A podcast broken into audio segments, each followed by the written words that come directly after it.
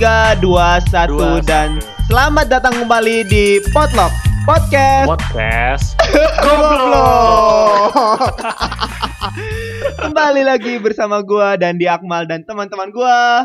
oke gua Tajrian Dan saya Nabil Pratama. Dan pada kesempatan kali ini kita bakal bahas tentang dosen versus mahasiswa. Waduh. Anjay. Waduh.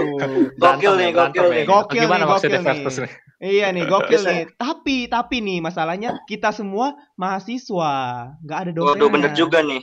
Makanya. Iya, kita harus agak biar seru gitu ngobrolnya. Kita langsung aja kayak yang biar lebih adil gitu ya. Nah, bener banget. Mending kita langsung aja undang ini dia. Mas Sari Aji. Halo, Mas. halo mas Halo, Mas. Halo, Mas. Halo. Wah parah ini Dandi ini. Aduh, Nama kenapa? Kurian diganti Sari Aji ini gimana? Sari ini namanya Sari Aji. Sari Aji. Sari. Oh, nama kepanjangannya Sari Aji Channel anjir itu Nah, Sari Aji channel tuh YouTube saya itu. Nama YouTube bapaknya itu. ngasal bet dah lu sorry, sorry, sorry, sorry, sorry. jadi, jadi dipanggilnya Mas Rian. Mas Rian ya berarti. Ya, Eh, kalau Halo. kamu jadi mahasiswa saya manggil Pak nilaimu C nanti. Pokoknya kalau mata kuliah saya itu kan ada ada saya tuh ngajar tiga mata kuliah. Jadi mata kuliah fisiologi ternak, Hmm. terus ilmu reproduksi ternak sama teknologi reproduksi ternak.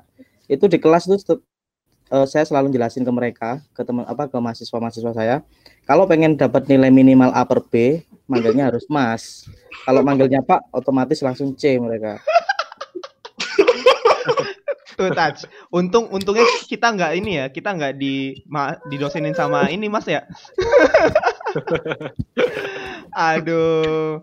Oke. aduh eh jadi eh, Mas Rian ini dosen di Faperta, eh Faperta lagi Fapet ya, Fapet Ya, UGM. ya dosen di Fapet. Nah, eh, Mas Rian ini temen-temen apa eh, dosennya sekaligus Nabil nih? Katanya kan deket banget nih, ada hubungan sama Nabil.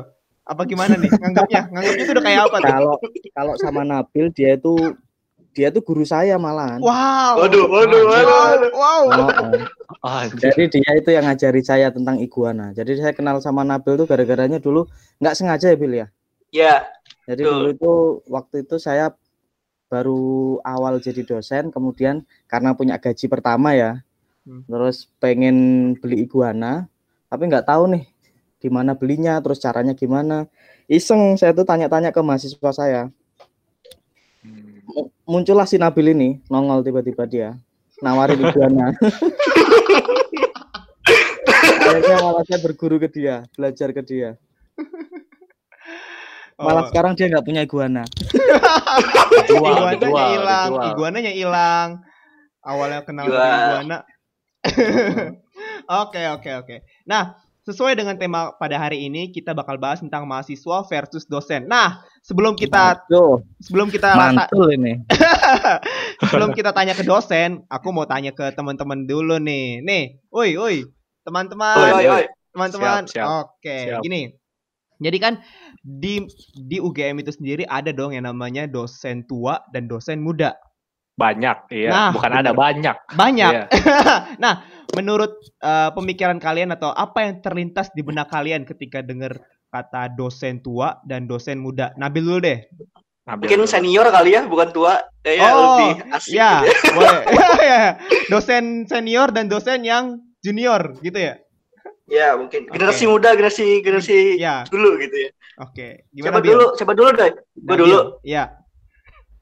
Oke, kalau menurut gue ya dari secara eh, apa ya posisi kacamata gue, kalau dosen yang senior itu karena dia senior kan biasanya dia tuh apa gimana ya metode pembelajarannya itu lebih apa ya dibilang lebih apa ya lebih padat dengan kata lain eh, jadi lebih eh, apa ya jadi benar-benar kalau misalkan A itu ya A gitu. Dan itu tuh susah buat kadang untuk berubah jadi B gitu. Dan itu tuh biasanya tuh yang zaman dulu tuh sangat disiplin gitu. Sangat disiplin juga sangat eh, apa ya ya seperti yang aku bilang tadi kalau misalkan ya dosen yang senior itu kalau misalkan dia udah bilang A ya itu A gitu. Sus- susah untuk menjadi B gitu. Dan lebih cenderung lebih sulit fleksibel ya kayak karena mungkin juga dibandingkan dengan dosen yang zaman sekarang atau yang istilahnya muda gitu ya itu tuh lebih fleksibel gitu dan juga lebih dekat ke mahasiswanya gitu menurut gua kayak gitu sih.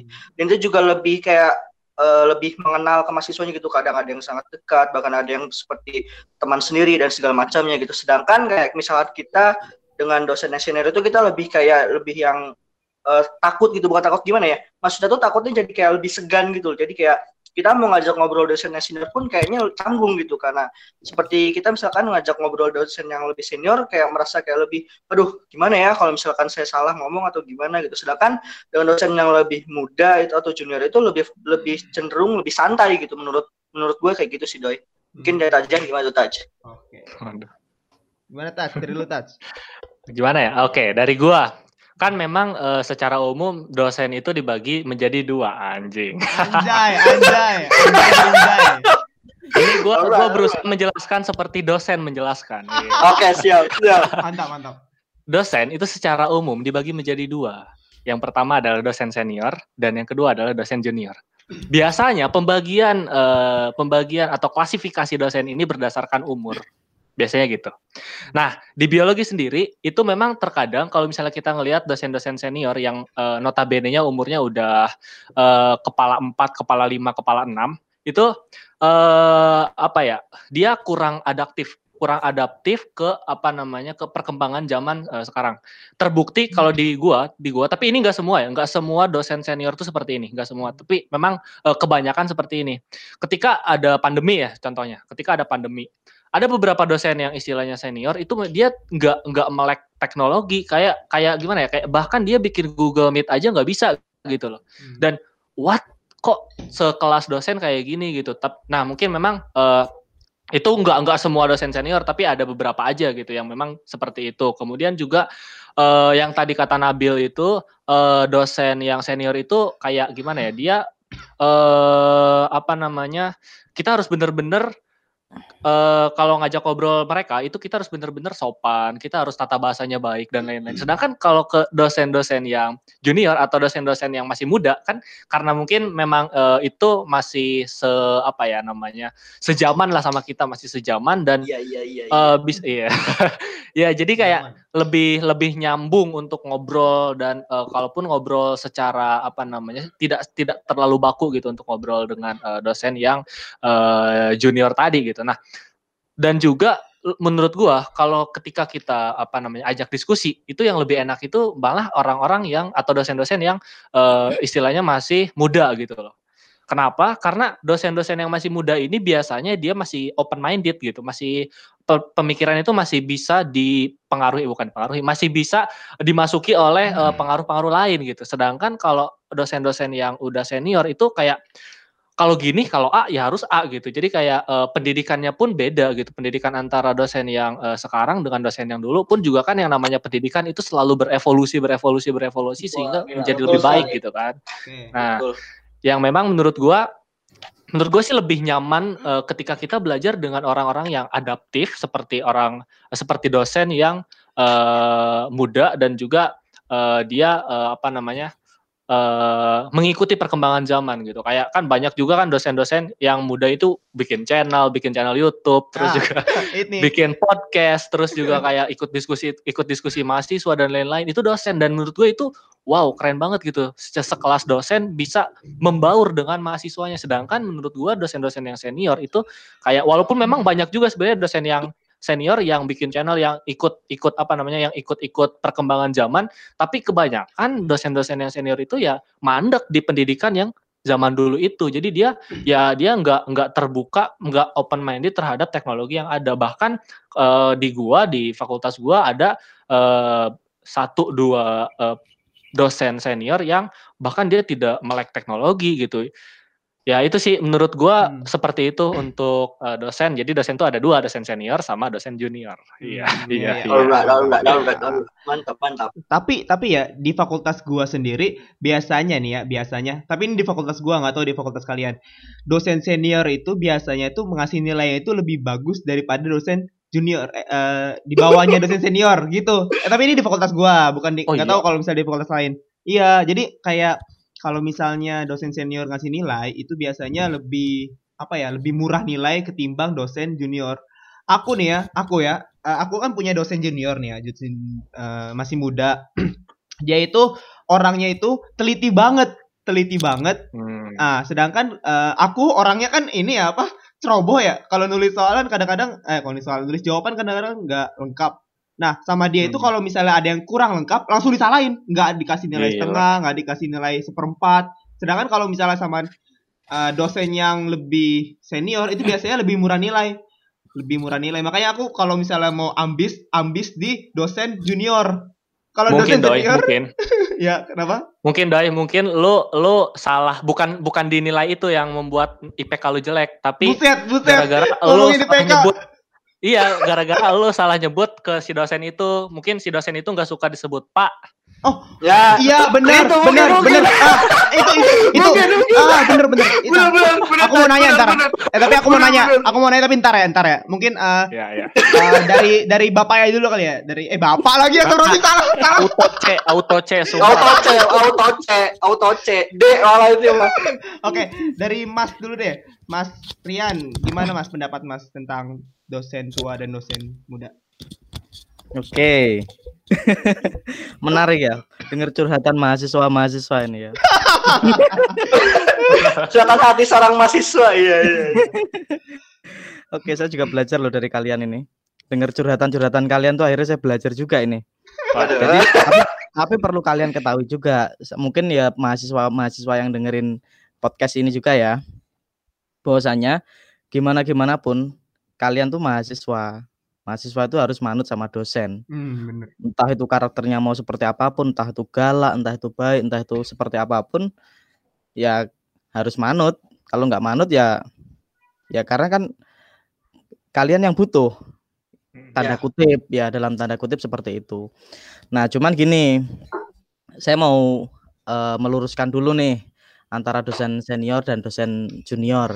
Kalau tadi kan Nabil nyebutin bahwasanya kalau dosen senior itu galak-galak, kemudian kalau mau ngomong susah, terus kalau yang sama dosen muda eh, apa namanya ngob- ngobrolnya lebih santai. Itu dalam dalam hal praktek mungkin iya, tapi kan kalau saya pribadi gini, menjadi seorang dosen itu bukan hanya sebatas mengajar ya. Karena kalau saya itu lebih mendidik. Karena kalau mengajar itu hanya memindahkan isi buku ke seseorang. Hmm. Kan kalau menjadi peng, menjadi apa namanya pendidik itu nggak seperti itu. Nah, kenapa kok saya dulu pengen jadi dosen? Karena saya juga nggak tahu kok bisa jadi dosen di UGM ya. karena dulu, dulu karena dulu tuh saya daftar dosen di Universitas Tadulako Palu sebetulnya. Waduh, tadulako. Iya. Karena kan istri saya kan dari Palu. Hmm. Nah, dulu tuh saya sempat daftar di sana. Cuman karena mungkin prosesnya waktu itu eh, lama, terus belum ada bukaan dan lain-lain, saya main ke Jogja. Eh ternyata malah ada lowongan, saya daftar, malah lolos. Wah. Ya mungkin karena rezekinya ya, rezekinya ada. Jodoh ke mana, iya. Heeh. Nah, jadi dosen itu, kalau saya eh, memang niatnya pengen jadi dosen itu adalah agar apa ya ilmu yang saya peroleh itu tidak tidak berhenti lah, tidak tidak berhenti di saya. Ya karena kan kalau di di keyakinan saya itu gini, ada tiga amalan yang tidak akan putus. Pertama adalah sodako jariah, kemudian ilmu yang bermanfaat, ketiga adalah anak yang soleh, soleh soleha yang mendoakan kedua orang tua. Nah, eh, ilmu yang bermanfaat itu adalah ilmu yang dibagikan atau ilmu yang di apa ya diberikan eh, terus bisa memberikan manfaat untuk orang lain. Nah, dengan menjadi dosen, kesempatan saya untuk bisa memberikan ilmu apa ya ilmu saya pengalaman saya itu lebih lebih besar. Meskipun tidak menjadi dosen pun juga sebetul- sebetulnya bisa. Cuman kan menjadi dosen itu eh, kesempatannya atau peluangnya lebih besar. Oke, kembali lagi ke dosen tua dan dosen muda tadi ya. Sebetulnya nggak nggak semua dosen tua itu killer, terus nggak semua dosen yang muda itu juga fleksibel. Itu tergantung dari masing-masing eh, pribadi masing-masing ya. Nah, ada juga sih dosen senior kalau yang di FAPE itu juga dosen senior yang sangat disenangi oleh mahasiswa. Eh bentar ya, anakku manggil. Oh iya iya. Dulu ya. Oh, oh. Iya iya bentar. Sama mama dulu ya. Oh my god. Oh iya iya iya. Heeh. Iya cantik tayonya, heeh. Bentar ya. Maaf ya. Ayo loh. Oke Kalian oke. belum kalian belum melewati fase ini nanti. Ya, ya, bener. Jadi gitu tadi, nggak semua dosen senior itu juga killer, terus nggak juga semua dosen muda itu juga eh, apa namanya eh, enak diajak ngobrol karena seperti pengalaman Dendi tadi, kalau yang dosen muda-muda itu lebih teliti, lebih anu. Kalau saya juga sebetulnya teliti ya teliti, ngasih nilai juga. Kalau saya gini prinsipnya, nilai itu bukan segala-galanya memang. Oh, bener Cuman banget, kan segala-galanya butuh nilai. Ah, bener bener. Iya. Bener itu. Iya.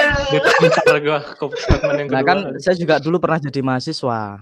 Jadi ngerasain gimana dapat nilai jelek itu harus ngulang, harus dan lain-lain.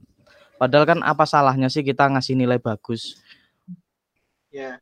ya kan? Bener. Karena kan karena kan sekarang nilai bagus tapi caranya nggak baik, nggak bener juga banyak mahasiswa yang lakuin Banyak, itu. banyak. Mhm. Nah kalau kalau di kelas saya nggak seperti itu. Kalau di kelas saya itu eh, intinya apa yang saya sampaikan mereka paham, kemudian mereka bisa menjabarkan. Karena gini loh, nggak setiap mahasiswa itu bisa menjelaskan dengan detail dalam artian gini. Mungkin dia cara ngomong oke, tapi menuliskan, menuliskan kata-kata itu nggak semua bisa.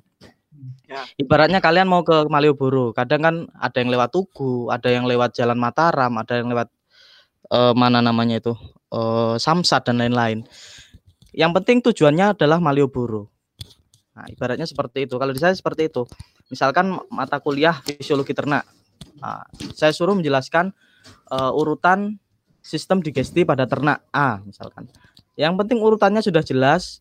Mau dia menye- menyebutkan fungsinya. Mungkin misalkan fungsi mulut, ada yang fungsinya untuk mengunyah, Pak, untuk nguntal ibaratnya. Tahu nguntal nggak kalian?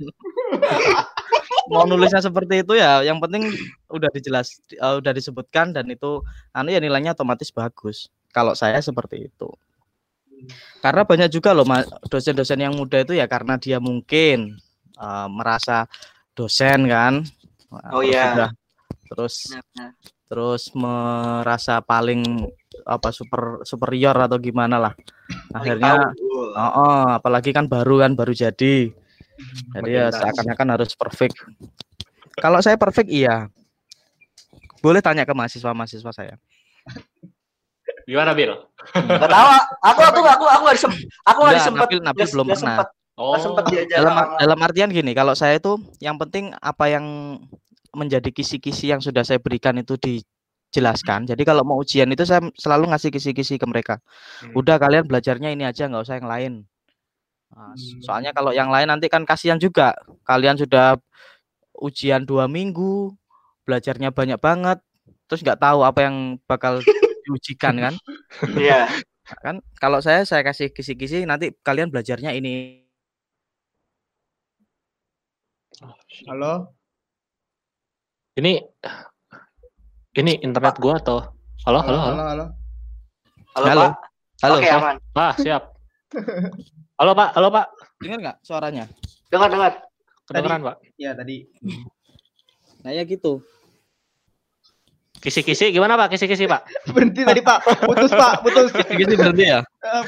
Kisi-kisi, kalau saya Pak. kalau saya tuh kalau mau ujian mesti saya kasih kisi-kisi dulu. Udah kalian belajarnya ini aja. Oh udah dikasih kisi-kisi aja mahasiswa kadang masih banyak yang salah. Nah, nah, kalau sudah salah seperti itu saya tegas. Dalam artian ya udah itu udah re- konsekuensi kalian resiko kalian. Nah, berarti kalau misalkan eh, sudah dikasih kisi-kisi terus mengerjakannya masih salah berarti nilainya juga mengikuti apa yang sudah dikerjakan gitu loh. Ah, gi- gini Pak, Pak mau nanya Pak.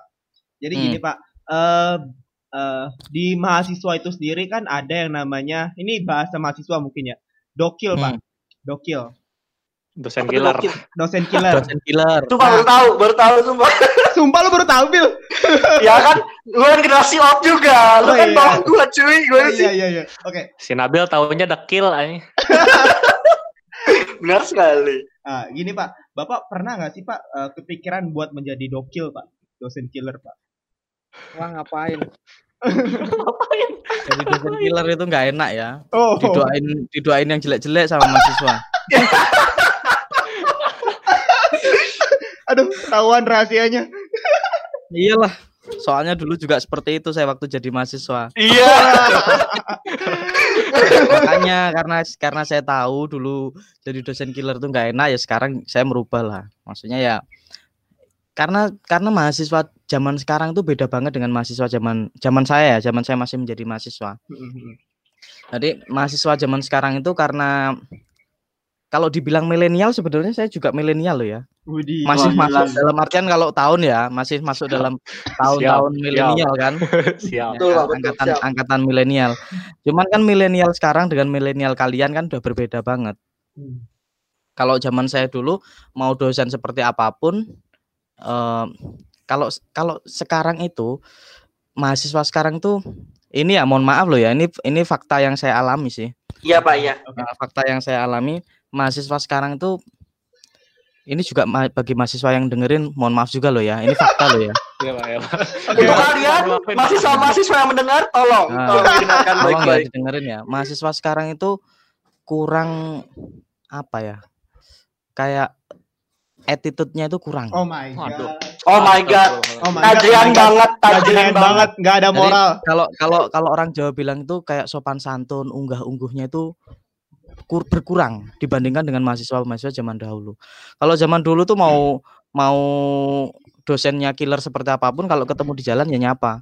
Kalau sekarang dia tahu do- itu dosennya di kelas salipan aja apa papasan di jalan ya udah papasan aja kok nggak ada kok ma- apa namanya manggil pak kah atau apakah itu nggak ada sama sekali. Itu yang saya rasakan sih. Cuman ya kembali lagi karena mungkin mahasiswa sekarang itu kan semua semua itu serba dimudahkan ya. Informasi mudah informasinya cepet cari apa pun juga di internet banyak ada. Sehingga kadang melupakan eh, itu tadi. Jadi ini pernah ya ada pengalaman pengalaman lucu nih. Jadi saya tuh punya mahasiswa bimbingan akademik jadi kan jadi DPA dosen pembimbing akademik mungkin kalian kan punya juga ya Punya, Punya punya. Pak. DPA gitu. Tahu-tahu DPA apa mahasiswa saya itu kan ada 10 orang. Itu WA saya. Nah, dari 10 orang tuh WA-nya macam-macam. Ada beberapa yang dia memang sudah eh, apa ya? Eh, tahu lah sopan santun. Ada yang nggak nggak tahu sopan santun sama sekali. Jadi dia WA-nya gini. Pak, saya ma eh, saya mahasiswa bimbingan Bapak. Saya eh, mau minta tanda ta- pengesahan KRS. Kapan kira-kira Bapak bisa menemui saya? Kurang ajar banget. Kurang ajar emang, emang kayak gitu emang mungkin dia salah nulis kah atau gimana tapi Mungkin anak pejabat. Wow. Juga ya. Ormas, ormas, ormas. Wow, wow, wow. nah kalau kebiasaan. kalau ngadepin mahasiswa seperti itu kalau saya itu ya langsung saya giniin oh iya mas eh, oh saya nyebut mas malan kawan laki-laki nih ya saya bilangnya gini oke ya mas nanti saya akan nemui mas kalau mas sudah nggak repot saya Oh bilang my. gitu aja Waduh, pasti dia kaget, yakin, kaget, kapok. saya langsung bilang gini mas bisa ditemui di mana ya nanti saya tanda tangan KRS-nya bilang gitu Di prank balik.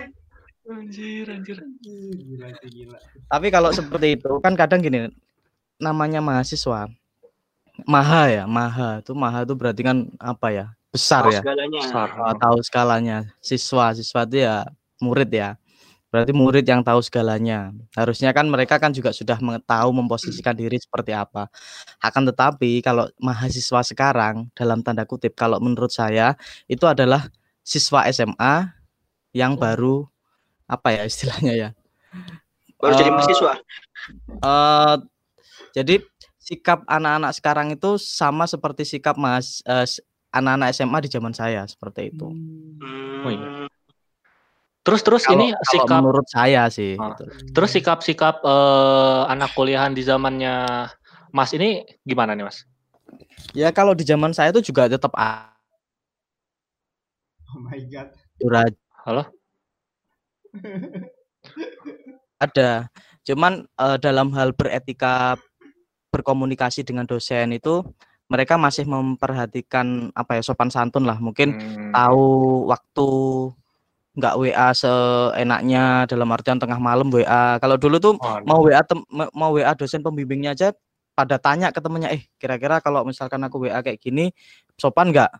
Dan dulu teman-teman tuh nggak nggak nggak nggak apa ya nggak tiba-tiba langsung yos WA aja kayak gitu. Enggak tapi malah menyarankan lebih baik ketemu langsung aja Oh. ditemui ke ruangannya nah kayak Hmm. gitu Dulu dulu ada WA mas.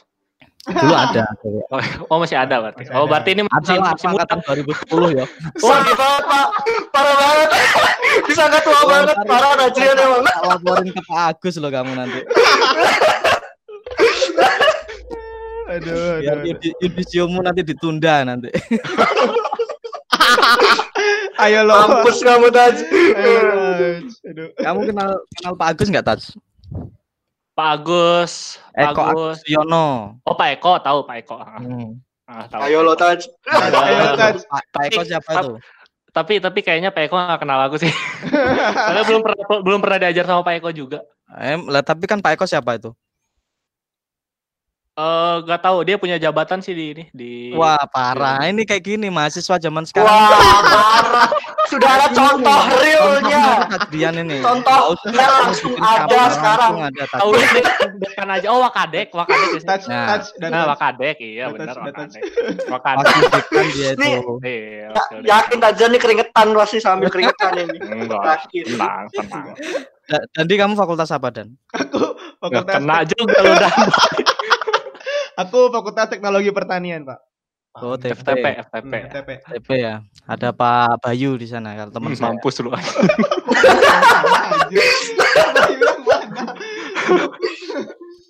Tunda yudisiumnya anjing. Pak Bayu siapa ya itu namanya ya Pak Bayu yang punya itu loh yang dia ada aplikasi itu apa itu Yang apa aku lupa namanya. Gotani, Wan. ya Tani Tani itu loh Oh, alah. Ayo lo doi. Gak tahu lupa. Tapi tapi dia kayaknya dari ini, Pak, eh, dari jurusan teknik pertanian, Pak. Bukan teknologi. oh teknik pertanian Mm, kayaknya sih kayaknya. tapi kok aku kalau ketemu di di Fakultas Teknologi Pertanian I- iya, maksudnya tuh jurusannya teknik pertanian di Fakultas Teknologi Pertanian, Pak. Gitu. oh gitu Aduh, oke aduh, kok saya deg-degan kamu ya. kamu tahu kamu tahu sendiri tuh Bil mahasiswanya kayak gimana Bil nah, Nggak usah contohnya langsung, ada Langsung di depan dikasih contoh. Langsung ada contoh. Eh, seru banget, Langsung ada contoh. Nah, sekarang saya mau tanya eh, sekarang saya mau tanya balik nih. Kalian sebagai mahasiswa pernah nggak tiba-tiba kalian WA dosen kalian? Pernah. Nah, kalau mau WA dibikin nggak ini jamnya oh, pantas nggak sih? Nanti kalau WA sekian terus kata-katanya dibaca dulu berulang-ulang nggak? Oh, kalau saya sebagai mahasiswa yang taat, Pak. Alah, Wah, kampret. Jadi memang Anda jadi itu sudah jadi ketika- buktinya Iya, apa yang diomongin oleh Mas Rian benar, tadi. benar. Bener, jadi jadi ketika saya ingin me- apa namanya menghubungi dosen itu eh, harus di apa namanya kata-kata kata per kata itu harus benar-benar disusun ya dengan rapi dengan baik. aduh, gitu. susah. Dan EED-nya susah. pun harus bagus. Sesuai KBBI ya. Oh. Iya, dan juga waktu-waktunya itu timingnya itu harus tepat di jam kerja gitu, supaya Nah, tidak mengganggu. Bagus. Emang emang harusnya tuh seperti itu. Mm-mm, doi. Tapi lebih baik lagi karena kan nggak semua dosen itu senang di WA. Nah, kalau mau ketemu dosen itu mending mending kalau saran saya bagi kalian, kalian belum lulus semua tuh ini? Alhamdulillah. Aduh, Aduh, Pak. ya. Belum Ya. lulus OTW, kan? OTW, OTW. Belum, belum, belum. Belum, Pak, belum, belum, belum, belum. Makanya lebih baik itu ketemu. Kalau nggak nggak nggak covid loh ya. Ya, Hmm. Kalau pandemi kayak gini lebih kalian tuh makanya dengan kon- kondisi seperti ini harusnya lulusnya cepet. Karena semua dimudahkan. Hmm. Konsultasi by email. Kemudian ujian pakai kayak gini. Hmm. Tadi ya KKN online. wah, KKN online pasti lulus pasti lulusnya. Nah, Lulus. nggak pak kalian nggak akan ngerasain apa manuskrip kalian dilempar ini tulisan Hmm. macam apa ini anak SD bisa nulis kayak gini Waduh, Pak, gitu tapi Pak, tapi Pak, UKT-nya kok tetap Pak? Oh, Wow.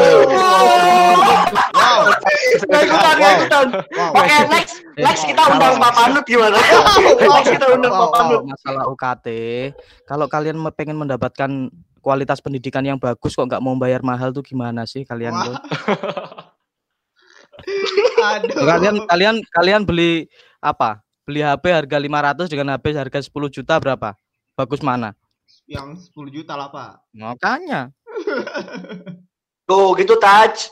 dengerin tuh Ya kan? Skakot. Oke. Eh, Pak, Pak, gini, Pak.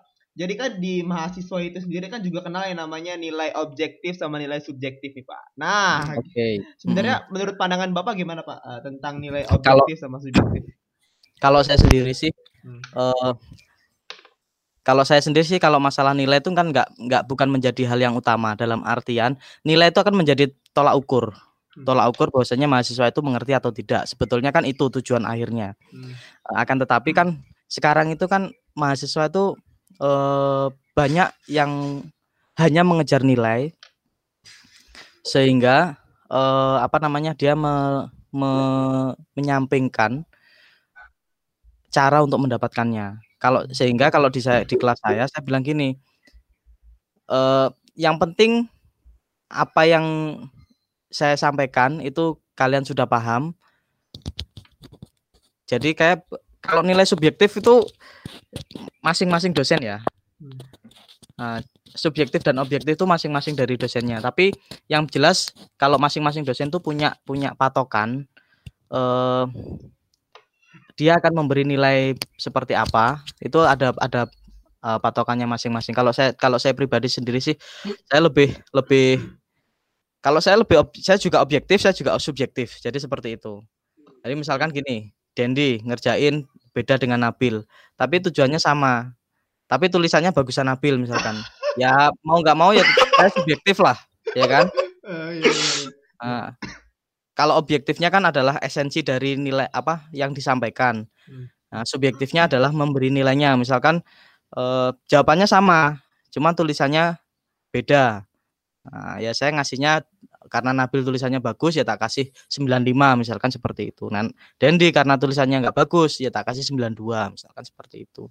Tapi kan masih dalam batasan aman gitu loh. Jadi nilai yang jelek kalau saya ngasih nilai jelek itu misalkan ngumpulkannya telat. Nah, itu. Nah, misalkan saya sudah ngasih kuis nih di Elisa atau di apalah. Nah, saya suruh ngumpulkan jam sekian sampai jam sekian. Nah, itu dari dari eh, tugas itu kadang ada sih yang Pak mohon maaf Pak saya telat ngumpulkannya. Oke nggak apa-apa kumpulin aja. Tapi mohon maaf saya nggak bisa nggak bisa ngasih nilai maksimal ya gitu.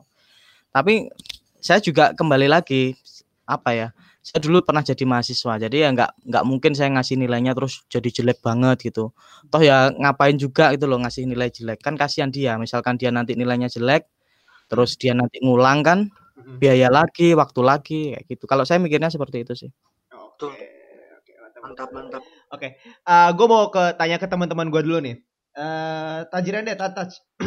Hmm, apa? Jadi kan gini, Taj. Kita kan lagi Ya. di masa pandemi ya, pandemi COVID. Ya. Nah, pada saat pandemi ini kan lu juga ngerasain yang namanya kuliah online. Hmm. Nah, menurut lu eh, gimana nih kuliah online ini eh, efektifkah atau dosen-dosennya gimana kah? Gimana ya doi? Waktu gimana gini ya? Jadi eh, mungkin untuk kuliah online-nya sendiri waktu awal-awal pada saat eh, kita dari offline ke online kan itu perlu adaptasi juga kan ya. Mhm. Nah, dosennya pun kayak ada sebagian dosen yang eh, sebenarnya dia tidak melaksanakan kuliah online. Jadi dia ngasih tugas aja gitu, ngasih tugas, ngasih tugas, Hmm. kerjain terus Hmm. terus nilainya dari dari tugas yang kita kerjakan aja gitu dan dia tidak melaksanakan kuliah online seperti yang lainnya gitu. Tapi ada juga dosen-dosen yang eh, apa namanya yang eh, membuat kelas online gitu. Nah, menurut gua eh, kelas online ini sebenarnya ya kalau misalnya eh kitanya, kalau misalnya kitanya ini benar-benar memperhatikan ya itu sangat bermanfaat. Tapi terkadang ketika kuliah online ini kadang si dosennya tuh lagi ngejelasin terus tiba-tiba koneksinya hilang. Ah, Kadang si dosennya tuh lagi ngejelasin tiba-tiba ada masalah, terus ada ayam kokok, terus ah pokoknya pokoknya macem-macem gitu Ah, gangguannya sehingga membuat kita eh, menjadi kurang fokus. Pun juga eh, bukan dari hanya dos bukan hanya dari dosennya tapi dari mahasiswanya juga gitu. Karena kita kuliah online di rumah dan di rumah ini pasti banyak eh, godaan gitu. Kayak misalnya tiduran rebahan gitu kan. Hmm, hmm. ketika kita kuliah online aduh capek rebahan ah. Kuliah online jalan, rebahan terus. Nah, Jadi sampai ketiduran. Nah itu gue sering sih kalau kayak gitu. Nah, Jadi- kasih tahu Pak ke dosen yang tadi Pak. Siapa tahu Pak? Kasih tahu Pak. nanti nanti saksinya nanti susah nih yudisiumnya ini. aduh, aduh, aduh, aduh. Aduh. Jadi gue ngerasa, gue ngerasa ya ini sebenarnya kurang efektif sih gitu. Karena ya karena di rumah ini gue banyak godaan dan dosennya pun banyak masalah gitu kayak koneksi, terus kayak masalah-masalah teknis gitu pada saat ngejelasin. Terus juga men, kalau di mending mending kan, mending mending kuliah offline aja, mending di kelas Hmm. biasa aja kan. Kalau di kelas biasa kita ya kalau misalnya tidur mungkin kita bisa ditahan gitu kan. Kalau misalnya di rumah tidur ya nggak ada yang tahu juga gitu. Dosen nggak bakal bisa marahin juga kalau kita tidur gitu. Terus kalau misalnya disuruh on cam ya kan tinggal tinggal kita buat video muka kita terus ditempelin bisa kelihatan gitu. Kalau misalnya Waduh, waduh. Waduh. Ya, ya, ya. jahat-jahatnya, Jadi tahu nih aku. jahat-jahatnya. Nah, iya biar biar biar biar Pak Riani tahu nah, mahasiswa jahatnya tuh kayak gimana. Iya, benar. Kreatif kayak emang. gitu. Ah, jadi kayak kita bikin video muka kita pura-pura pura-pura ngedengerin terus kita liatin ke kamera laptop gitu kan. Jadi nggak ketahuan kita lagi rebahan gitu. Nah, Hmm. terus terus juga eh, mungkin ini sih masa yang menjadi masalah itu ketika waktu transisi dari offline ke online sih. Jadi Hmm. eh, ada beberapa ini beberapa dosen yang kan seharusnya sebagusnya dan supaya tidak kita pusing si apa platform itu diintegrasikan kan. Semua mata kuliah tuh disatukan dalam satu platform misalnya Elisa. Kan di Hmm. UGM ada Elisa UGM misalnya Iya, semua mata kuliah tuh di Elisa semua. Hmm. terus kalau ada tugas tuh di Elisa semua. Terus Hmm. kalau misalnya ada praktikum tuh di Elisa semua biar enak gitu. Tapi ketika eh, pada nyatanya di biologi sendiri, gua nggak tahu ya di fakultas lain seperti apa. Di biologi sendiri, ketika apa namanya, ketika transisi ini eh, ada dosen yang buat di Elok, ada dosen yang buat di Sama, Elisa, ada dosen yang buat di Simaster, ada dosen Sama, yang sama, buat sama. di, iya. Jadi kayak ini membuat membuat gua secara pribadi membuat gua bingung ketika misalnya ada tugas dari mata kuliah A, ini Hmm. mata kuliah ngepostnya di mana ya gitu. Walaupun memang eh, walaupun memang awalnya udah dikasih tahu, tapi ketika tugasnya banyak numpuk itu menjadi buat kita bingung gitu. Tapi ya memang eh, sebenarnya ini masalah masalah nggak nggak terlalu besar sih ini masalah sepele. Tapi menurut gua masalah sepele seperti ini bisa ditanggulangin ketika ketika si mata kuliahnya itu diintegrasikan semua gitu. Hmm. Karena ketika diintegrasikan semua, misalnya semuanya ada di master, pengumuman apa pun ada di master, nah itu bisa kita jadi gampang kontrolnya gitu. Dan itu menurut gua adalah salah satu masalah juga. Dan teman-teman gue juga kadang ada yang ketinggalan pretest gara-gara eh, salah ini apa salah informasi, ada ketinggalan pretest gara-gara dia nggak dapat nggak dapat info ini dari eh, Hmm. website ini karena nggak dapat notifikasi dari website ini. Dia nge-onnya website yang Elisa dan lain-lain gitu. Jadi menurut gua Hmm. eh, integrasi daripada platform ini eh, adalah suatu hal yang penting juga gitu. Itu sih menurut gue yang menjadi eh, apa namanya yang menjadi eh, kendala dari kuliah online ini sih. Itu doi. Asik, asik, asik. Mantap, mantap, mantap. Nah, sebenarnya kalau misalnya gua mau garis bawain ke yang buat dosen yang cuma yang ngasih tugas doang, mungkin ya ini mungkin, mungkin eh, dosennya itu juga mempunyai eh, urusan yang lain seperti misalnya eh, eh, kalau misalnya dosen yang cewek atau lagi mau masak ke atau lagi ada apa ke atau ada urusan lain lah pokoknya yang Ya mana tapi tapi yang Ya, mana benar. Lagi Logik, ngasih logik, makan logik. iguana kayak. nah tapi masih makan iguana ke tapi tapi kan itu tanggung jawab dosen coy. Bener banget, Untuk tapi- ngajar. Eh, makanya tapi eh, kalau misalnya dibuat apa ya ngebuat eh, menyampaikan ilmu menyampaikan ilmu itu lebih baik eh, on cam gini atau enggak kayak eh, lewat web ah lewat apa sih aku lupa namanya webex webex lewat webex hmm. nah Atau kalau bikin misal- video gitu. atau bikin video nah kalau Oh, misalnya lewat YouTube gitu. Sari Aji channel gitu Iya, iya. Subscribe. ya. tapi Subscribe, yang paling, subscribe. hmm, yang paling gua rasain yang paling gua rasain dari kuliah online ini adalah terlalu banyak distrak terlalu banyak distraksi kayak Iya, misalnya eh, internet internet lemot internet lemot habis itu kayak patah-patah ininya apa eh Video, video. videonya patah-patah habis itu suaranya patah-patah habis itu kasur kasur. Uang internet nggak turun, uang internet nggak turun ya. itu. waduh waduh waduh iya nanti nanti tak sampaikan Pak Eko. Waduh, iya, iya. Boleh Pak, boleh Pak kalau itu boleh Pak.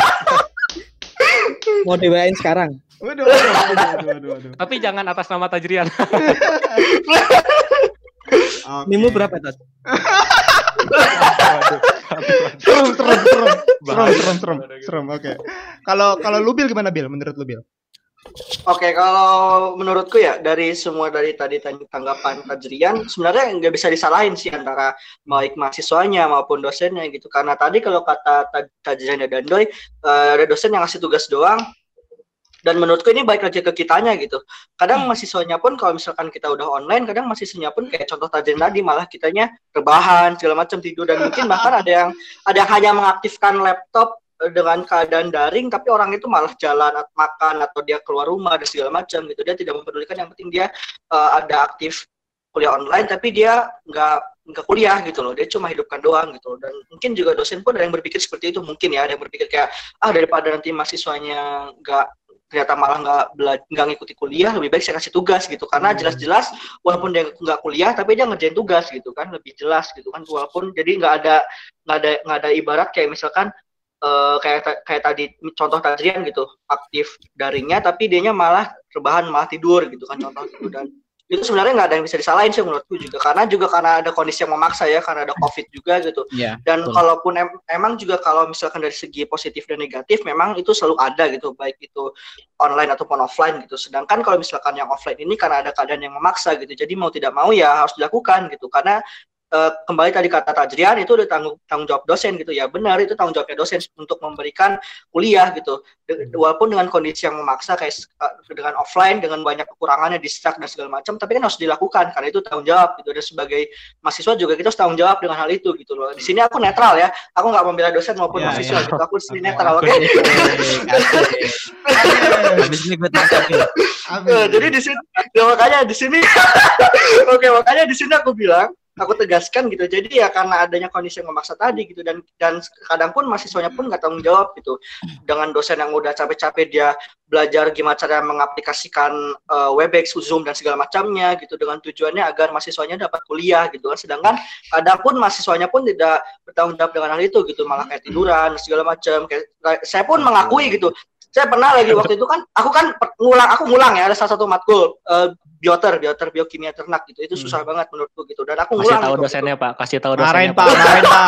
Marahin pak. Marahin Oke. pak. Oke, ya udah aku jujur aja ya gitu. Karena mungkin nggak cuma aku doang pasti semua mahasiswa yang sedang sekarang offline dan sedang daring itu pasti kayak gitu gitu. Menurut itu pasti kayak gitu. Tapi ya seenggaknya ada tanggung jawab gitu. Jadi gini waktu itu aku lagi eh, lagi panen madu. Tapi keadaannya itu lagi ada mata lagi ada kuliah gitu kuliah online gitu jadi HP-nya aku simpan di meja eh, suaranya aku besarin aku speaker Astagfirullah. ku, ku speaker tapi aku sambil panen madu jadi seenggaknya aku dengerin oh ini mati oh sekarang dibahas ini bahas ini Hmm. nanti ya udahnya ya aku aku paham walaupun nggak semuanya aku dapat di otak tapi seenggaknya aku aku dengar apa Udahnya yang aku lupa dan gitu itu enggak aku enggak aku juga Oh, enggak. soalnya soalnya enggak enggak soalnya aku juga bawa buku walaupun itu kuliah online Oh. aku tetap catat di buku catatanku sampai sekarang penuh gitu walaupun Waduh, ke mana Panen madu sambil bawa buku gimana Bel? Ceritanya Apa, gimana? Bel? Panen madu Apa? sambil bawa buku Enggak. ceritanya gimana? jadi sebelum sebelum panen madu itu emang kuliahnya itu mulai duluan gitu mulai mulai kuliahnya kul- mulai duluan dan setelahnya ya udah aku aku simpan dulu baru terus aku nulis dulu beberapa materi terus sudahnya aku tinggal gitu kayak gitu Emang nggak Ya, bisa panen madu setelah selesai kuliah? waduh Nah. waduh waduh waduh nah Tolong ya. Time saya manajemennya, time manajemennya tolong ya. nah Prioritas, Bil, prioritas. kalau aku prinsipnya gini sih selagi masih bisa dijalani dijalani secara beriringan kenapa tidak gitu loh Hmm. karena biar biar sama-sama tetap enak gitu ya satu saya bertanggung jawab dengan kuliah saya saya pun bertanggung jawab dengan panen saya begitu kalau menurut aku kayak gitu sih Sambil minum air ya. Kuliah paling ya cuman satu setengah jam. Wah. iya Satu setengah jam. marahin pak Wah, marahin pak apalagi kalau dosen bioter itu kan dosen senior senior semua. itu. Marahin, Pak. Coba kasih tahu Pak, coba kasih tahu dosennya. dosen dosen senior itu kalau saya pribadi ya ini ini kalian udah ngomong nih sekarang saya nih yang ngomong nih oke Aduh. siap siap siap jadi kalau menurut saya kalau saya pribadi memang lebih seneng saya itu yang offline ya Hmm. Jelas. Nah, pertama gini karena apa? Dengan offline saya kan ketemu mereka langsung di kelas. Saya tahu kondisi mereka seperti apa. Terus tahu mimik muka mereka seperti apa. Misalkan saya jelasin nggak seneng eh, mereka nggak seneng kan kelihatan mereka nggak seneng gitu loh. Jadi saya bisa merubah harus seperti apa lagi gitu kan. Terus feel feel halo? Dengar nggak? Iya iya masuk, masuk. Halo, terus feel-nya kan juga lebih dapat kalau misalkan ketemu langsung. Nah, tapi kan dengan kondisi sekarang kan kita juga harus apa ya istilahnya kan memahami daripada mem berisiko kan lebih baik memang harus secara daring. Nah, Hmm. harusnya sih eh, kalian juga memahami dalam artian gini, nggak semua dosen itu paham teknologi. Yap. Kan kadang dosen senior-senior tuh mereka mau Webex atau mau pakai Zoom itu juga effortnya tinggi banget loh, besar banget loh mereka itu. Nah kadang ya namanya mahasiswa kan ya macam-macam. Ada yang ya itu tadi seperti yang saya jelasin. Ada yang mahasiswa itu memang benar-benar dia itu eh, tahu mem- bisa memposisikan diri, tapi ada juga yang nggak nggak mau tahu gitu loh. Nah sehingga ya contohnya yang tajrian tadi harusnya kuliah mungkin malah tiduran. Kan ya contoh langsung kayak gitu. Nabil yang harusnya kuliah malah manen madu. Kayak itu kan ya memang madu. Nah, padahal kan harusnya eh, memperhatikan. Nah, tapi kalau kembali lagi di masing-masing memang benar. Jadi kalau saya kalau saya sendiri kalau disuruh milih ya memang lebih senang saya offline. Tapi online saya gini kalau di online itu gini. Kalau di online itu saya kan juga tahu ketika kita online itu otomatis kuota yang dikeluarkan juga banyak. Itu juga dilema loh. Apalagi belum turun ya katanya Taj ya. Hmm. Iya. Nah, itu kan juga dilema juga nanti kuota gimana otomatis pengeluaran kan lebih banyak dibandingkan dengan eh pada eh, pada saat yang offline. ya mau nggak mau ya namanya kondisi seperti ini ya harus dijalani. Nah, sama-sama saling menguntungkan lah. Kalau saya kuliah, kalau waktunya emang sudah kuliah ya kuliah. Tapi kalau eh, sebelum kuliah biasanya saya tawarkan kan ada berapa kali pertemuan, misalkan empat kali pertemuan. Kalian pengennya yang dua dua kali pertemuan online, kemudian yang dua tugas atau gimana. Jadi saya saya saya eh, tawarkan dulu ke mahasiswanya. Nah, itu kan win-win win-win solutionnya di situ. Enggak semua harus eh, kuliah online semua. Yang penting kan apa apa eh, maksud dari materi yang disampaikan itu bisa tersampaikan dengan baik. Terus gini loh, kembali lagi ya, nggak semua nggak semua mahasiswa itu eh apa ya? eh istilahnya fokus atau serius di mata kuliah itu. Kadang ngambil mata kuliah A misalkan itu kan hanya sebatas hanya ngisi nambah-nambah SKS juga kan. Sehingga kadang dia kuliahnya Betul nggak nggak nggak nggak sungguh-sungguh gitu loh di situ. Tengah hati gitu. Nah, setengah hati. Nah, tapi kalau di kelas saya itu seperti ini. Di kelas saya mahasiswa itu boleh tidur. Wow. Benar. Kalau di kelas saya kalau saya yang lagi ngajar yang yang waktu offline ya, di kelas itu boleh tidur, kemudian boleh bawa makanan. Karena kan kuliahnya pagi terus, jam 7 pagi. Nah, jadi boleh tidur karena kan siapa tahu tadi malam begadang. Terus boleh bawa makanan, malah saya suruh kadang bawa kopi atau apa gitu di kelas. Tapi yang nggak boleh adalah rame. Saya paling nggak seneng. Saya saya, saya bisa eh, kadang saya suruh keluar kalau misalkan dia rame. Karena apa? Eh, kalau rame itu kadang kan mengganggu kasihan temennya yang diajak ngobrol misalkan gitu. Benar. Nah, jadi kalau mau- misalkan ngantuk tidur boleh, makan boleh, main HP boleh, tapi main HP-nya untuk cari informasi. Kalau untuk yang update status atau apalah nanti dulu lah. Saya cuma minta waktunya satu setengah sampai dua jam untuk menyampaikan materi gitu. Setelah itu kalian mau seperti apa terserah. Biasanya seperti itu. Oh, Oke. Oke. Aku menanya nih, Taj. Eh, Taj lagi doi.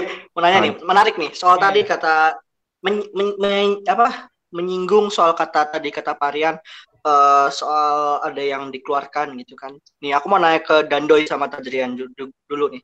Pernah nggak Doi sama Taj? Mungkin lu pernah dikeluarin dari kelas gitu, pernah nggak? Buset. Kalau Pernah nggak? Lu dulu Doi, lu dulu Doi. ini apa maksudnya offline apa online nih? Ya pas offline, pas offline. Kalau pas offline, kalau dikeluarin dari kelas kayak belum pernah sih. Cuman kalau misalnya telat kelas, telat kelas, Ah, kena apa? Kena apa ya? Bukan kena omel sih, tapi kena omongan dari dosen pernah. gara-gara apa tuh? Nah. Telat tadi. Telat, telat kelas gara-gara gara-gara telat kelas terus kayak Kalau- dosennya tuh di ngomong Kalau di Iya, kalau di kalau dikeluarin itu kan biasanya emang waktu offline. Kalau yang online tuh malah nggak dikeluarin, kalian keluar sendiri. Mandiri malah, mandiri kelas sendiri. sukarela, sukarela, volunteer. malah malah pengen keluar kalau bisa. Volunteer, volunteer. volunteer, volunteer. Alasannya kuota habis. Bener banget. Koneksi loss. Kok Tajan gimana Taj? Lu gimana Taj? Eh, kalau selama kuliah offline Kalau dikeluarin nggak pernah, tapi kalau keluar sendiri juga pernah. Kalau offline, offline. Jadi Dah. jadi gini, gua kadang kayak jadi ada eh, mata kuliah yang waktu semester awal-awal mata kuliah yang menurut gue ini sebenarnya nggak nggak sih suara nggak nggak butuh itu? gitu. Kedengeran pak? Ah, itu ada tank tank gitu.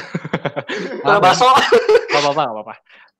Lanjut ya, berarti eh gue jadi waktu awal semester ini ada mata kuliah yang sebenarnya gue nggak nggak terlalu penting untuk dan nggak nggak nggak apa ya nggak gue nggak suka gitu sama mata pelajaran ini.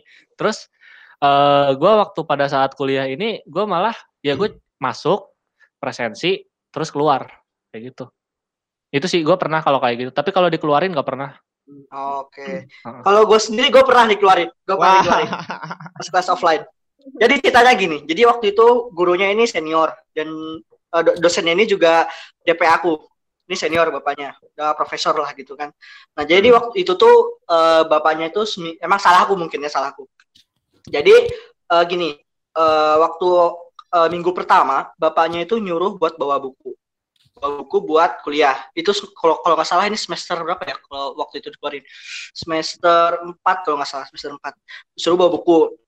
Terus yang lain eh, oke gitu kan. Pas minggu keduanya itu pada bawa buku tuh yang lain.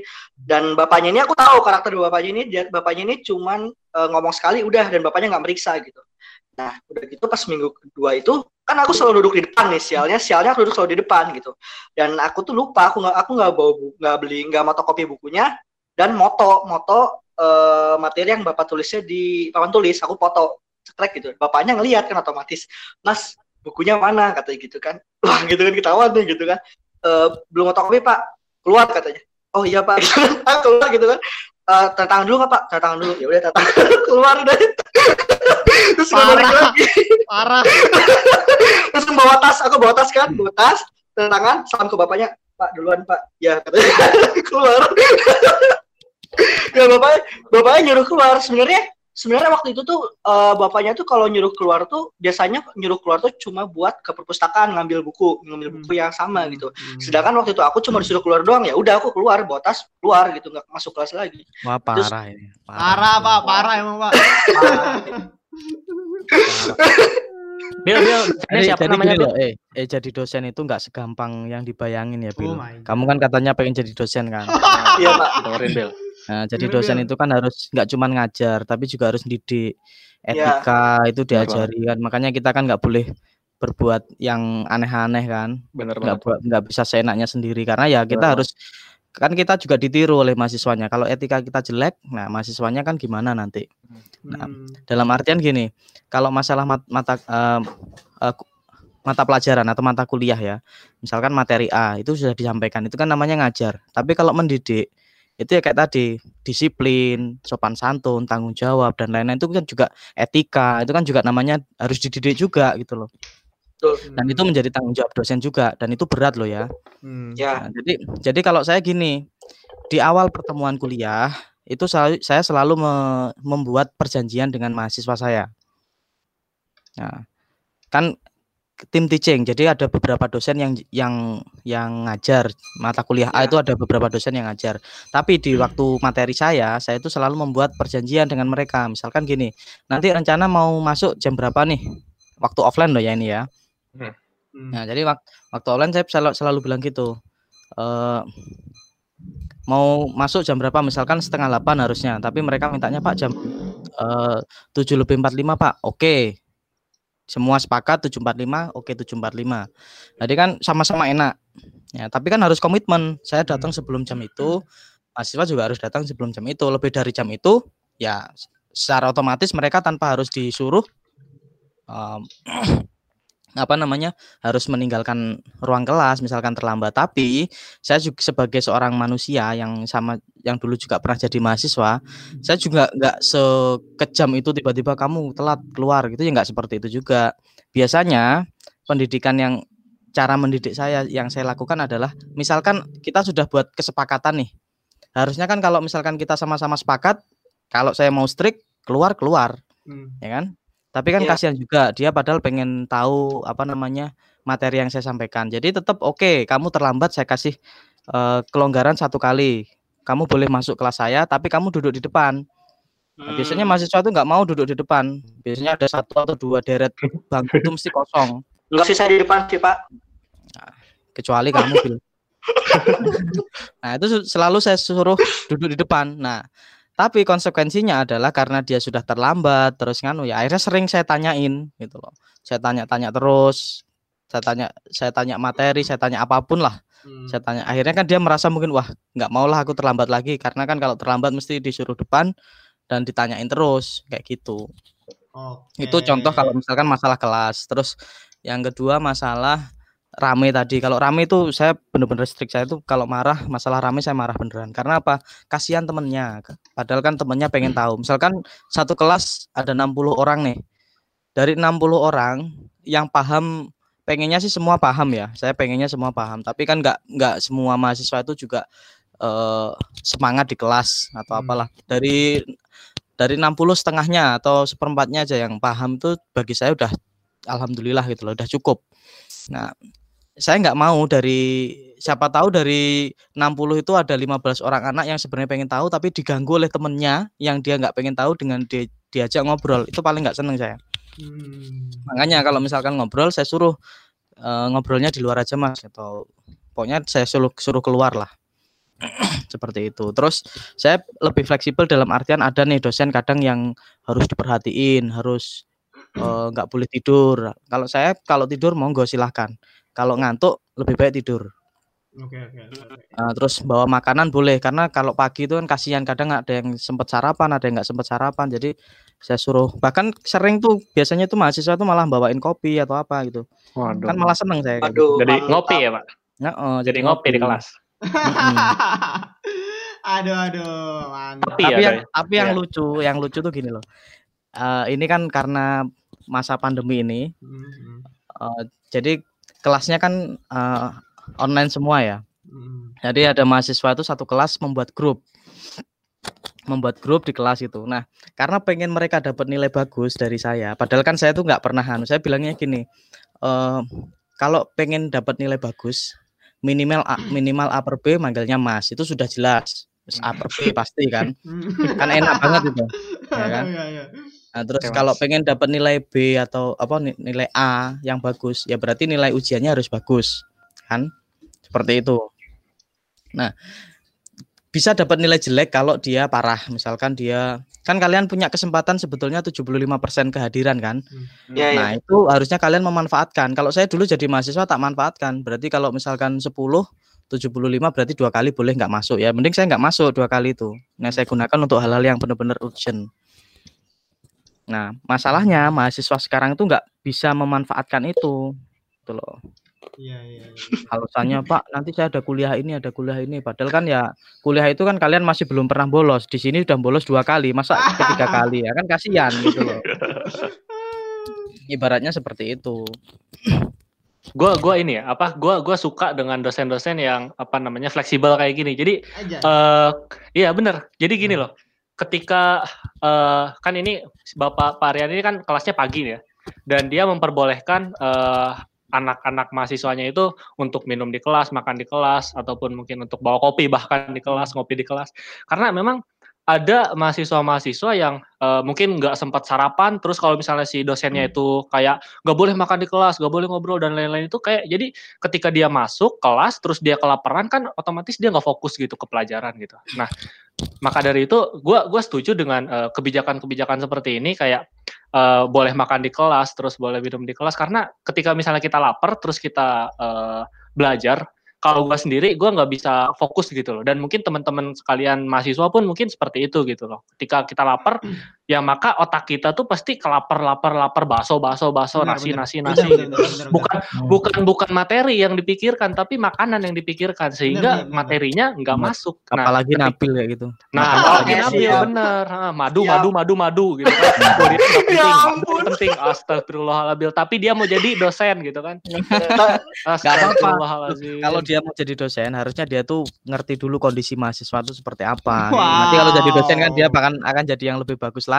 Cara Wede, Aduh. siap, siap. Ya. Ya, itu aja lah. itu Eh, itu. saya tadi belum jelasin loh. Nah, tadi kan ada tim salah satu mata kuliah. Nah, karena mahasiswanya pengen dapat nilai bagus, jadi mereka tuh anu apa namanya?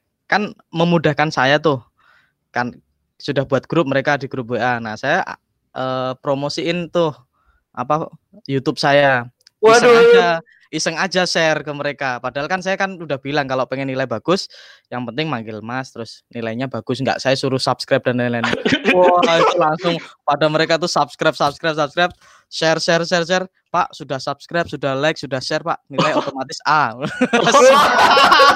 Hai. Hai, hai, hai, hai. saya, Itu saya ya, bilang Pak? gini, saya bilang gini, terima kasih sudah di subscribe, terima kasih sudah di share dan di like. Ya kalau nilainya pengen bagus ya tetap ujiannya harus bagus ya, bilang gitu. Kecewa auto sih mahasiswa yang udah nge-share. Cuman langsung ya waktu itu langsung satu kelas subscribe semua kan ya lumayan itu. Wah, Mungkin, itu- waduh. mungkin tuh kayak gitu bisa juga. Kalau menurut kalian kayak ini saya mau tanya ya dari segi dari kacamata mahasiswa. Misalkan Hmm. saya nih punya YouTube channel. Hmm. Mahasiswa saya, saya subscribe itu kayak gitu berdosa sih. Apa? Berdosa nggak sih sebenarnya? Kenapa? Kalau apa Pak? Tadi putus-putus tadi. Putus-putus. Ya tadi tadi putus-putus. Diulangi aja Pak, Ah. diulangi. misalkan nih saya kan punya channel YouTube. Mm, mm. Nah, saya minta mahasiswa saya untuk subscribe channel YouTube saya itu ber- berdosa nggak sih sebenarnya? Ya enggak kalian, lah Pak. sebagai, Enggak lah, Pak. kalian sebagai mahasiswa gimana perasaannya? Ya, ya itu? enggak lah. Enggak, maksudnya kan ka- saya takutnya nih ada ih apaan sih ini dosen pengen dapat subscriber aja minta Oh. gitu. misalkan kayak gitu. Enggak lah. Masa- Enggak sih kalau kata aku. Enggak ya? Enggak sih. Nah, kalau gitu jangan lupa nanti subscribe ya. Iya. Bagus banget ya. Siapa? Pas banget gitu timingnya tuh pas Keren gitu ya, keren ya, keren. Sari Aji channel ya, jangan lupa Sari Aji. Oke, siap. siap. Tapi Pak, aku juga mau nanya deh Pak. Eh, Oke. Kalau kebalikannya gimana Pak? Oh boleh, kalau saya gini, kalau di kelas saya malah tanya siapa nih di sini yang punya channel YouTube gitu. Wow. Nah, Mau tak ajak kolaborasi juga, collab bareng. Mantap, mantap. Nah, mantap. Karena Eh. eh ka- kamu kamu per- percaya nggak di peternakan itu kita tuh ada grup uh, youtuber alumni Vapet Wow, wow, wow. Oh iya. dan itu anggotanya 50-an orang lebih loh. Wow. Dan mahasiswa saya itu ada dulu, tapi dia nggak nggak di kelas saya sih. Dia angkatan angkatan tua mungkin Nabil tahu. Dia tuh jadi youtuber, cuman nge-review mo bis itu loh. Oh iya tahu tahu. Nah siapa namanya itu Bil? Itu anak aduh lab Nah itu itulah itulah itulah pokoknya. pokoknya. Nah, itu penghasilannya dia tuh sekarang udah gede banget loh. Ngalah-ngalahi gaji dosen, profesor my aja God. kalah. Iya. Jadi dosen Makanya. tergiur mau jadi youtuber gitu ya. Iya nggak juga sih. Aduh. Strike to the point. Kalau kalau kalau saya itu jadi youtuber di maksudnya uh, nyemplung di YouTube itu ya karena gini Hmm. eh saya punya iguana nih Hmm. ya pengennya sih nanti channelnya nggak cuma iguana aja pengennya ya semua hewan ternak lah jadi pengen berbagi informasi tentang itu karena kan eh punya ilmunya dari dulu nol Hmm. diajarin Hmm. Nabil cara melihara iguana kayak gimana. Nah sekarang sekarang udah melihara, udah bisa sampai kawin, udah bisa bertelur, sudah bisa netes, udah bisa melihara eh, baby iguananya. Kan eman-eman ilmunya kalau nggak disampaikan. Makanya eh, saya buatlah itu di YouTube biar orang-orang juga tahu. Hmm. Ya meskipun nanti juga pengen dapat adsense juga sih. Ya, iya, Mantap. iya, Iya, iya, itu. itu, itu, itu yang paling penting. itu itu itu Eh, itu sih. passive income namanya. Mantap, Pak, pasif income. Passive income ya. Mantap, mantap, mantap. Investasi portofolio YouTube Pak, bener Pak. Oke. Oke, Kita juga mau soalnya. mantap. Dari Tajiran sendiri ada lagi nggak yang mau ditanyain? Eh enough doi. Oke, Nabil, Nabil. Aku udah. Oke, sekarang kita langsung masuk aja ke closing statement. Mulai dari siapa dulu nih? Tajiran apa? Tajrian. Tajrian. Tajrian. Tajrian. Kan Taj. aku. Oke, Taj, ayo Taj. Eh gimana ya? Eh ini closing statementnya tentang apa doi? Terserah kamu. Bebas lah Aku ya. sendiri lah, aku dulu lah. Nah, closing iya. statementku. Oke, oke, oke. Nah, nanti baru kalian ya. Oke, siap, Oke. siap, siap, siap, siap. Jadi closing statementku adalah se- kalian semua sebagai mahasiswa harus bisa memposisikan diri dalam artian kan kalian sudah dewasa. Kalian tuh bukan anak kecil lagi sehingga harus tahu kalau bahasa Jawanya itu sopan santun, unggah-ungguhnya itu harus tahu. Seperti apa pun dosen yang kalian hadapi, mau tidak mau itu adalah dosen kalian dan itu adalah orang tua. Hmm. Ya, jadi harus kalian harus bisa memposisikan gimana eh, memposisikan diri di orang tua itu seperti apa. Kemudian pertama itu, kedua menjadi mahasiswa itu eh, apa namanya harus bisa mengembangkan potensi diri yang ada karena apa? Yaitu momentumnya adalah pada saat kalian jadi mahasiswa. Jadi maksimalkan eh, kesempatan yang ada pada saat menjadi mahasiswa untuk bisa mengembangkan diri. Karena apa? Setelah jadi mahasiswa kalian nggak punya kesempatan itu. Nah, yang ketiga, jangan lupa subscribe Sari Aji Channel ya, terus nyalakan tombol loncengnya. Kemudian like dan share ya. Oke, Oke. mungkin itu closing statement saya. Terima kasih. Siap. Oke, siap siap siap. Dari Tajrian dulu deh. Nabil dulu deh, Nabil dulu. Nabil. Oke, Iya. kalau kalau closing statement dari aku eh eh, leb- lebih baik apa ya? Jadi sebuah simbiosis lah gitu. Jadi jadi sebuah simbiosis antara mahasiswa dan dosen gitu. Lebih jadi mutualisme gitu, saling menguntungkan gitu. Tadi kayak seperti aku bilang, harus sama-sama tanggung jawab gitu, sama-sama enak antara mahasiswa dan dosen harus sama-sama enak, sama-sama apa emang eh, menguntungkan lah gitu. Dan juga buat mahasiswa sendiri eh, kita itu sudah memiliki gelar maha yang artinya itu besar dan maha tahu gitu dan kita juga di apa diperuntukkan kita tuh dapat memecahkan semua masalah secara eh, memecahkan masalah itu sendiri gitu tanpa adanya eh, baik itu dengan bantuan orang lain mau- maupun tanpa bantuan orang lain kayak gitu karena kita sudah bukan siswa lagi kayak gitu sih itu menurut gua doi Oke. Kalau dari Tajrian sendiri gimana Taj? Dari lu dulu, Doi. Oke, kalau dari gua ya. Kalau dari gua itu closing statementnya singkat aja. Mahasiswa dan dosen harus bisa bekerja sama agar dapat saling menguntungkan satu sama yang lainnya. Azik. Nah, gitu doang. Kalau dari Tajrian sendiri gimana Taj? ya gimana Taj Udah ya. Eh, ya intinya itu sih. Ya itu. apaan Apaan intinya gitu tuh apa? Ya intinya antara dosen dan mahasiswa itu harus menguntungkan. Ya, bener kata Dandoy. Gitu. ah ini Taj itu sebenarnya nggak ada closing statement makanya pilih paling terakhir Touch gini aja touch closing statementmu itu subscribe aja YouTube. Berapa kali promosi? Berapa kali promosi? kita kita lihat ya, kita lihat abis ini setelah setelah setelah podcast ini nanti kira-kira nambah nggak? Semoga nambah ya. Wah, Semoga benar. nambah, Nah. semoga nambah. Oke.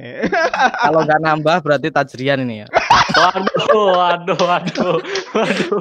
Dan Kasih nanti tahu. aku dan nanti kasih tahu ya nimnya Tajrian berapa. Oke, Iya. siap, siap, kasih tahu Pak Eko Pak siap, siap, siap.